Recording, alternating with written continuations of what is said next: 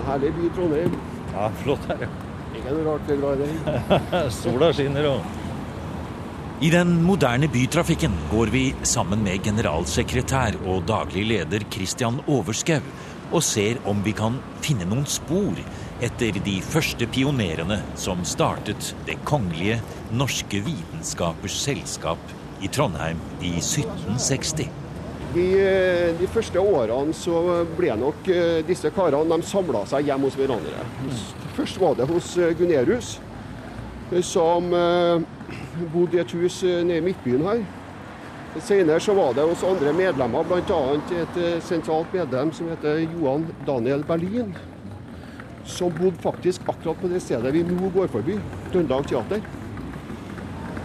Og Senere da så kom, ble Katedralskolen bygd opp, da, som vi er på vei til nå. Og Hvor eh, selskapet fikk tilgang til både til å holde sine møter, litt administrasjonsrom og ikke minst muligheter for å plassere sitt naturialkabinett, som det heter. Altså utstoppa dyr, den typen ting. da, Vitenskapelige samlinger.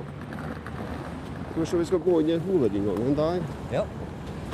Nei, så eh, Hjertet mitt det bare banker så når jeg går gjennom byen her. Og ikke minst områdene rundt også, som eh, Gunerius var veldig glad i også, ikke sant. Når det gjaldt å samle inn eh, dyr, planter, den typen ting, så ja, for du har jo egentlig den type bakgrunn eh, selv, da, som biolog, vel? det er korrekt. Ja. Se her, ja. Denne trappa er det mange som har gått opp. Ja, den er slitt ned, ja. Det ser vi her. Å, se! Her lukker du opp noen store, høye dører. Og vi går inn i selve festsalen til Det kongelige norske vitenskapers selskap her i Trondheim. Vi befinner oss nå da i Katedralskolens eh, festsal i Katedralskolen i Trondheim, som er selskapets arena. For det første så var det selskapets eh, hjem i, i mange, mange år. Og eh, vi møtes faktisk her én gang i måneden, minimum, med presentasjoner av vitenskapelig materiale som samler selskapets medlemmer fra samfunnsfag og naturvitenskap, og som også er hvor vi inviterer publikum og skoleelever. Det er åpent for alle som har lyst til å komme.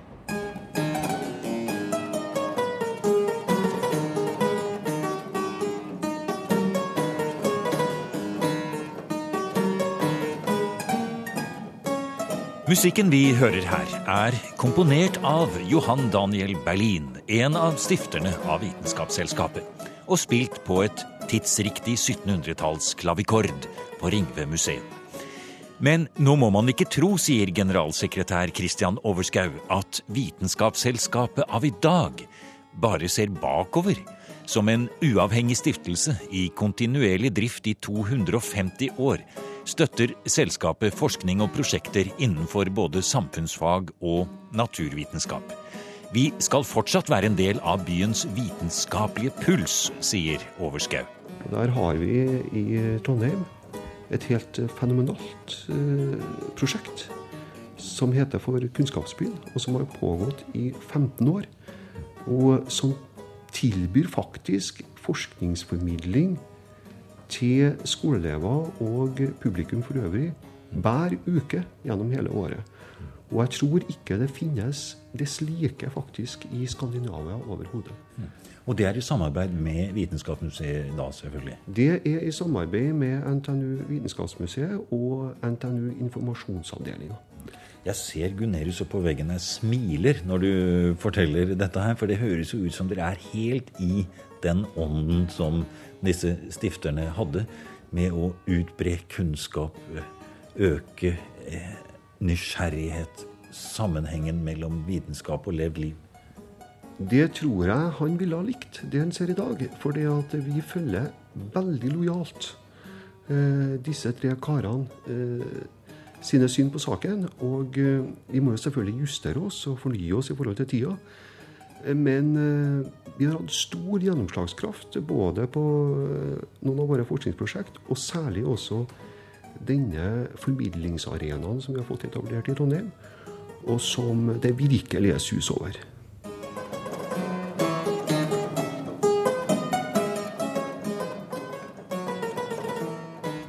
gratulerer med at dere nå er årets museum. Ja.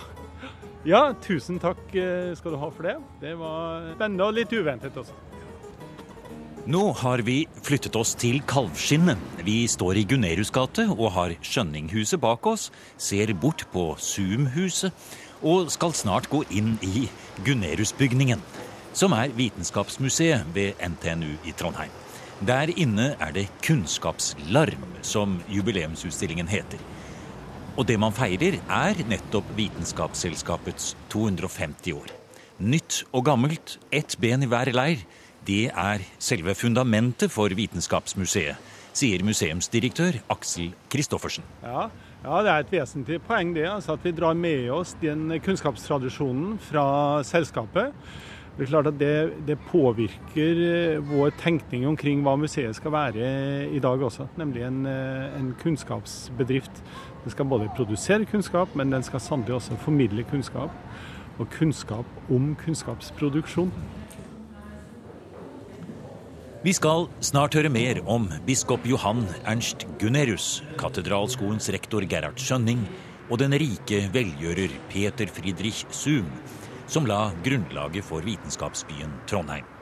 Skjønt grunnlaget for vitenskap og kultur i denne byen har enda dypere røtter, sier Aksel Kristoffersen. Da må man tenke på at eh, Trondheim er et gammelt eh, kirkelig sentrum. Det er Norges kirkesentrum i middelalderen med erkebispesete. Og kunnskap i middelalderen var sterkt knyttet til fortolkning av, av Bibelen. Og all kunnskap og all innsikt om verden og om menneskene har sitt uh, utspring der. Så Trondheim har en lang tradisjon for det. Så, så, du, så, du, mener da faktisk det at eh, opprettelsen av erkebispesetet her på 1100-tallet og den kunnskapsoppbygningen kan man si, som det førte med seg, mm. det, det, på en måte ligger litt i ja, nær sagt, eh, veggene utover i middelalderen og trekker til seg personer til Trondheim som søker kunnskap? Ja, det er i hvert fall én måte å, se det på. Altså, det, er jo, det, er jo, skapt en slags eh, kontekst, altså et, et, et rom kan du si, for, eh, hvor det eksisterer intellektuelle tradisjoner og intellektuelle ferdigheter, kan du si. Eh, og, så det er viktig, tror jeg, som et viktig bakteppe for å forstå den betydning Trondheim har hatt som, som et århundrelangt, eh, tungt kunnskapssenter i, i Norge. Og vi skal ikke så langt inn i jubileumsutstillingen før vi møter, nær sagt, Det gamle testamentet. Det er midt i blinken for å forstå hvordan vitenskapshistorien har utviklet seg, sier formidlingsleder Morten Steffensen, og peker på hva første del av utstillingen heter. Fra Noas ark til dobbel helix. Ja, Da må vi bare spørre om forklaring med en gang. Noas ark? Ja, fra Noahs ark. Og eh, altså spennet i tittelen. Altså det forteller også historien om eh, bevegelsen fra en slags mytisk forståelse av eh, både naturen og historien til en mer vitenskapelig forståelse. Ja, for nå går vi under inn i et Der står Arken her. Kommer, det er jo som vi kanskje hører også eh, mange besøkende her. Det er eh, skole, ungdommer, ungdomsskole ser det ut som her. Nå er vi inne i en kjempemorsom eh, sal her, for her kommer jo dyrene fra Noahs ark. Tiger, sebra eh, Ja, all slags dyr står. Aper, isbjørn, gaupe. Ja, og eh, dette her er utgangspunktet for, eh, også for museet. fordi at eh, gjennom århundrene så har eh, museet samla inn dyr fra eh, alle verdens kanter. Mm. Og nettopp eh, formålet med denne aktiviteten har jo også vært å prøve å forstå eh, både naturen og eh, hva det egentlig representerer, og også hva det kan bringe av kunnskap for oss. Men det med Noas ark, Aksel, ja. det er jo også litt interessant, da, for det er ikke bare noe dere har tatt fordi dere har mange dyr i samlingen her? Nei. Det henger jo sammen med den måten man eh, forklarte hvordan Norge ble eh, befolket. Og som jeg sa tidligere så, så utgikk all kan du si, innsikt og forståelse av hva som hadde skjedd før i tiden, ut ifra de bibelske fortellingene. Og Der spiller eh, Noahs ark og, og, ja, de fortellingene spiller en viktig ja. rolle. Ja, For det er jo da sånn, Morten, at når Noahs ark kunne lande i Armenia, på de forrevne fjell der, så kunne det da vel også være mennesker i Norge? Ja, det, det stemmer det. Og eh, nu, eh, altså Gerhard Skjønning, som er en av etablererne av eh, Det kongelige norske vitenskapers selskap, han eh, utga da en bok i 1771-72 som het da 'Norges riges historie'. Og I den eh, forklarer han også hvordan nordmennene klarte å komme til eh, våre kyster. Og Han beskrev denne her vandringen da som at den hadde utgangspunkt i Noas havari, altså i fjellene. Og at det var Så nordmennene var etterkommerne ja, etter de som var med sønnene til Noah, da? Ja. Og det var det var Jafets, eh, altså Jafet, eh, sønn av Noah, og hans sønn igjen, Tubal, som var eh, opphavsfedrene da, til, eh, til, nordmennene. Vi noterer oss det, og vi hører eh, bak her at det er mange besøkende som kanskje ikke helt er enig i den konklusjonen nå i dag. For vi skal gå litt lenger inn her. De er begeistret for dyra her. Eh, og dette med fra Noahs ark, som vi nå har forstått litt av forklaringen på, til dobbel helix? Ja, dobbel helix det er jo den, eh, altså den DNA-strengen altså som forklarer liksom hvordan DNA-molekylet er bygd opp. Så der motbeviser du skjønningsteorien? Ja, så det er jo, det er jo også, det er jo også en historie om Eh, hva, hvordan vitenskapen har utvikla seg gjennom de siste 250 år. Og det var jo eh, altså fra en, eh, en mytisk eh, forståelse med utgangspunkt i Noah, mm. til en vitenskapelig forståelse representert av ved den doble heliksen. I utstillingens mange rom og etasjer myldrer det av store og små spørsmål, grunnleggende nysgjerrighet og en blanding av gjenstander fra samlingene i Det gamle vitenskapsmuseet og helt ny forskning fra NTNUs laboratorier. Vi går oppover i etasjene i Guneriushuset og møter stadig nye avdelinger, som vitenskap og sannhet, forskning og framtid. Tenke, forske, finne er den røde tråden. Og, sier Aksel Kristoffersen og Morten Steffensen, det er ikke svarene som er viktig, men selve undringen? Ja, svarene altså, er ikke det som trigger nysgjerrigheten. For eh, det som trigger nysgjerrigheten, det er jo ønsket om å finne ut. Og det å, eh, å føle det at du kan lete etter, etter sannheten. Denne utstillingen er jo interessant ut fra en annen uh, synsvinkel. og det er at Nede i første etasjen så var det fokus på hvordan, altså hvordan man konstituerte tid, og den måten man konstruerte kunnskap om tid, var å gå tilbake til Bibelen. For der hadde man fortellingene, og Bibelen var en sann. Her stiller vi spørsmålstegn ved hva er det for slags type redskaper som setter oss i stand til å på en måte omsette vår nysgjerrighet i, i praksis. På 1700-tallet så hadde man en gryende forståelse av at observasjon var viktig.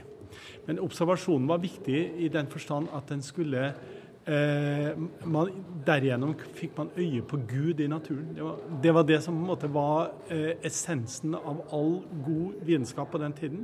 Det var å se og beskrive den systematikk som da ble beskrevet som den skjønnhet gjennom hvilken Gud åpenbar seg i, i, naturen. Så det å, å, å, vinne innsikt og det å, å produsere kunnskap er forbundet med en stor grad av usikkerhet. Og som vi prøver å vise i den første salen, så er også den usikkerheten knyttet opp til forestillinger om verden. Forestillinger om hva som er riktig og galt. Derfor får vi så mange fortellinger. Og helt på toppen av jubileumsutstillingen kommer vi tilbake til begynnelsen. Fortellingen om 1760. Vitenskap i verdens utkant heter den med en samling unike gjenstander fra Vitenskapsselskapets aller første dager. Eh, samtidig så har vi også en, eh, ved siden av mikroskopet også en eh, korall. Som, ja, korall. Også, og som vi ser også en tegning av Ja. eh, ved siden Er det av- Gunerius som har laget det er den. Gunerius som har laget den, den tegningen, ja. Så, eh, så det er et veldig eh, fint, lite instrument, men eh, det var også en, eh, en teknologisk nyvinning på den tida som eh, ja, gjorde det mulig altså for Gunerius å lage helt eh, fine og, og nøyaktige tegninger av alt det han studerte. Og det er, ja, og det, jeg må jo si, det er så mange gjenstander som står her. Originale gjenstander fra den aller eh, første tiden. Og når vi står og ser rundt her så, og leser på hva de har skrevet her, så er det sånn at hver enkelt lille gjenstand er jo et lite mysterium i seg selv her. Er det ting som dere har hatt utstilt tidligere, eller er dette sjeldent å se? Ja, det her er jo veldig sjeldne ting å se. Det her er jo gjenstander fra Gunerius' eh, samlinger. Eh, Gunerius døde fattig, eh, og for å skaffe penger til gjelda, så måtte de eh, Auksjonere det bort. Ja, de måtte auksjonere bort, ikke sant? Eh, men det var jo en liten rest igjen, og den rest, restsamlingen den har museet. Og så vidt jeg vet, så er det første gangen man utstiller disse objektene. Og det er jo sjeldne objekter. altså. Veldig flott å gå rundt og se her. Og det er, det er altså å komme inn i 1700 Originale preparater, bøker, en astrologisk globus fra 1600-tallet, en samisk sjamantromme, som Gunerius sa, reiseutstyr, protokoller, huskeråd og prydgjenstander, og ikke minst noen av de originale utstillingsgjenstandene. Fra Vitenskapsselskapets første naturalie- og raritetskabinett, gjør at vi føler oss trukket inn i 1700-tallets og opplysningstidens tankegang. Jeg skal vise deg en ting her, for det her er, det her er spennende. Det her er konkylier. Ja, og det var det visst mange av, forsto jeg, i den første samlingen.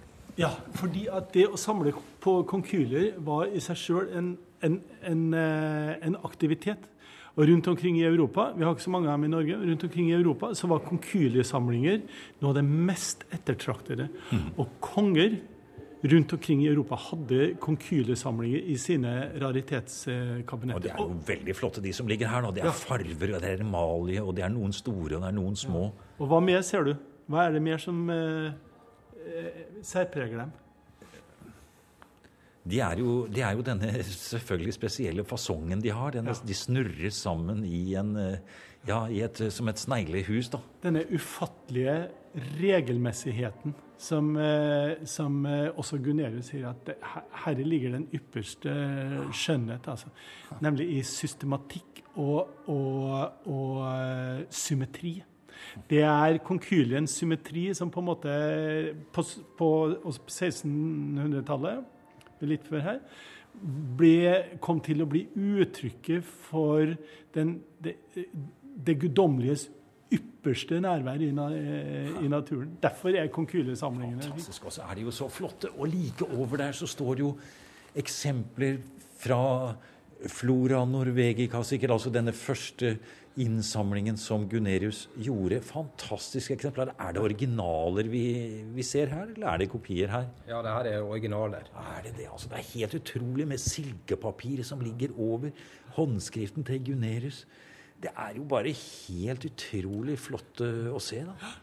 Ja, det må jeg si. altså. Gunerius eh, var den første som etablerte en Flora Norvegica, da, som var en parallell til den danske Flora Danica. ikke sant? Og eh, vi er jo så heldige å ha hans samlinger her. Det er. Gunerius sitt herbarium er en av, de, en av våre største skatter. da, kan du si. Et av utgangspunktene for altså, denne innsamlingsvirksomheten det var jo også hans virke da, som biskop. Fordi at eh, Da måtte han dra på visitasreiser over hele området sitt. Og eh, selve visitasene, er det sagt, gjorde han unna veldig raskt. Mens eh, det som egentlig sto i fokus, det var å dra ut og samle inn både gjenstander og planter, og, og også spørre rundt omkring i, i prestegjeldene altså om de hadde noe av verdi. Livshistoriene til de tre grunnleggerne, Gerhard Skjønning fra Lofoten, Johan Gunerius fra Oslo og adelsmannen Peter Zoom fra Danmark, som ble med de to andre til Trondheim for å gifte seg med Trondheims rikeste datter, er jo verdt helt egne programmer. Vi får la den historien ligge akkurat her, og heller se på hvordan det gikk med det kongelige norske vitenskapers samfunn når disse tre herrene var ute av historien. Det var uten tvil Gunerius som hadde vært selve drivkraften, sier Aksel Kristoffersen. Etter at han eh, døde, eh, i, i 1781 var det vel, så gikk selskapet inn i en eh, periode med liten aktivitet og liten rekruttering. Og sånn var situasjonen en 20-30 år for en generasjon fremover. altså inntil, inntil man begynte å altså Man måtte redefinere selskapets eh, historie.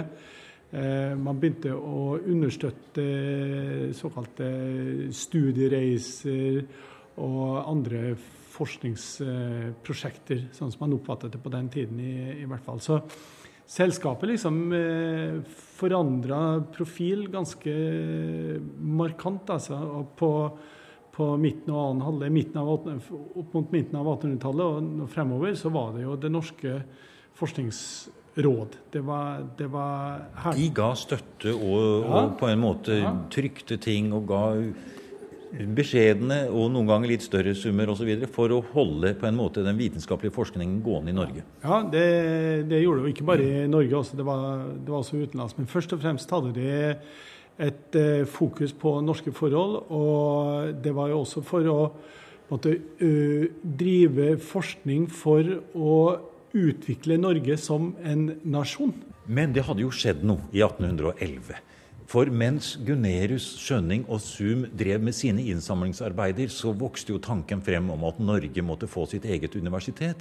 Og det var altså faktisk da slik at Gunerius fikk i oppdrag av den danske konge å utrede det danske universitets, eh, den danske universitetspolitikken. Og på vei ned til København så heter det seg at han stadig fikk eh, råd med på veien der han stanset at nå må du også ta opp det norske. Vi må også ha et norsk universitet. Og Det var det altså da Gunerius som var den første talsmann for. Men han pekte ikke på Oslo eller Kongsberg som et naturlig sted for et norsk universitet.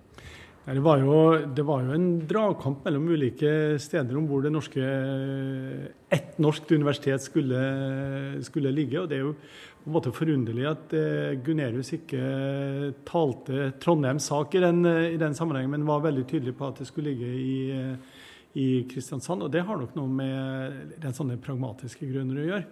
Ja, det, det, er jo litt merkelig. Altså, Du har disse tre store byene. ikke sant? Oslo, Bergen, Trondheim. Ja. Gunerius er fra Oslo, arbeider i Trondheim mm. og foreslår da mm. Kristiansand, fordi det er så mm. kort vei til Jylland. Mm. Det er en rar måte å tenke på, syns vi i dag. Ja. Ellers så kunne jo eh, også eh, Kongsberg ha vært et eh, velegna sted ikke sant? med det akademiet der, det Berge, Bergeakademiet. Det blir ikke noe av? Nei, det gjør ikke det, for det kommer jo til eh, Oslo, da. Hva betyr det for Trondheims stilling i den vitenskapelige og intellektuelle verden i på en måte selvbildet av Norge? Det er klart at eh, det har, eh, det har en vesentlig betydning. Fordi at eh, Universitetet i Oslo trekker til seg både kompetanse og, og ressurser.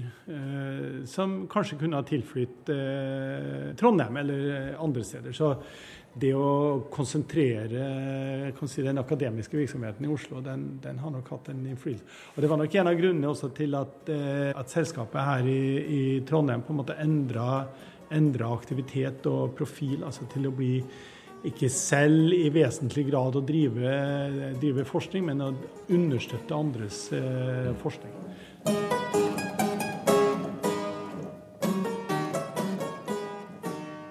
På vei nedover i etasjene, tilbake til vår egen tid, svinger vi innom en liten perle av en ekstrautstilling fra samlingene til Gunerius, som på en overraskende måte gir litt av forklaringen på hvorfor pionerene fra 1700-tallet var så opptatt av å samle inn originale gjenstander.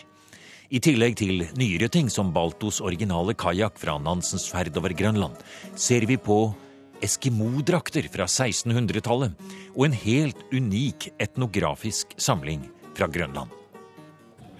Det her er ikke mange som vet at vi, vi har engang. Og eh, vi har jo tatt dem eh, frem som et eh, resultat av, av arbeidet med jubileumsutstillingene. For det var vel også slik at Gunerius han var spesielt interessert i Grønland? Ja, Han var av en eller annen grunn opptatt av eh, Grønland. og vi har, vi har en tyvetalls objekter fra hans eh, eh grønlandssamling, Grønlandiga. Og jeg må si det er helt slått av å se autentisiteten eller originaliteten i disse gjenstandene her. Altså det, det, gir en helt spesiell opplevelse. Ja, det, det, gjør, og det gjør det til og med på en uh, dreven museumsmann uh, for meg også. Og det er når du ser sånne gjenstander at du uh, fornemmer betydningen av autentisitet. At det er ikke noe du kan beskrive, det er en opplevelse av eh, ekthet eh, og nærhet som gjør at du gjennom disse gjenstandene kan fortelle andre fortellinger som ingen andre institusjoner i Norge eller for den saks skyld eh, resten av verden heller kan, annet enn museene hvor disse objektene finnes. Det er en essensiell og grunnleggende verdi som museene må ta vare på.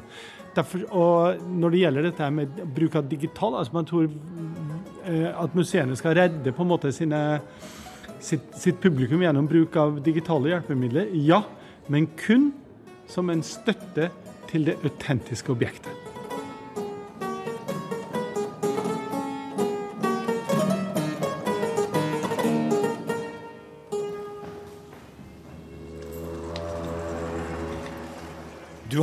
Hørt programmet Museum som podkast fra NRK.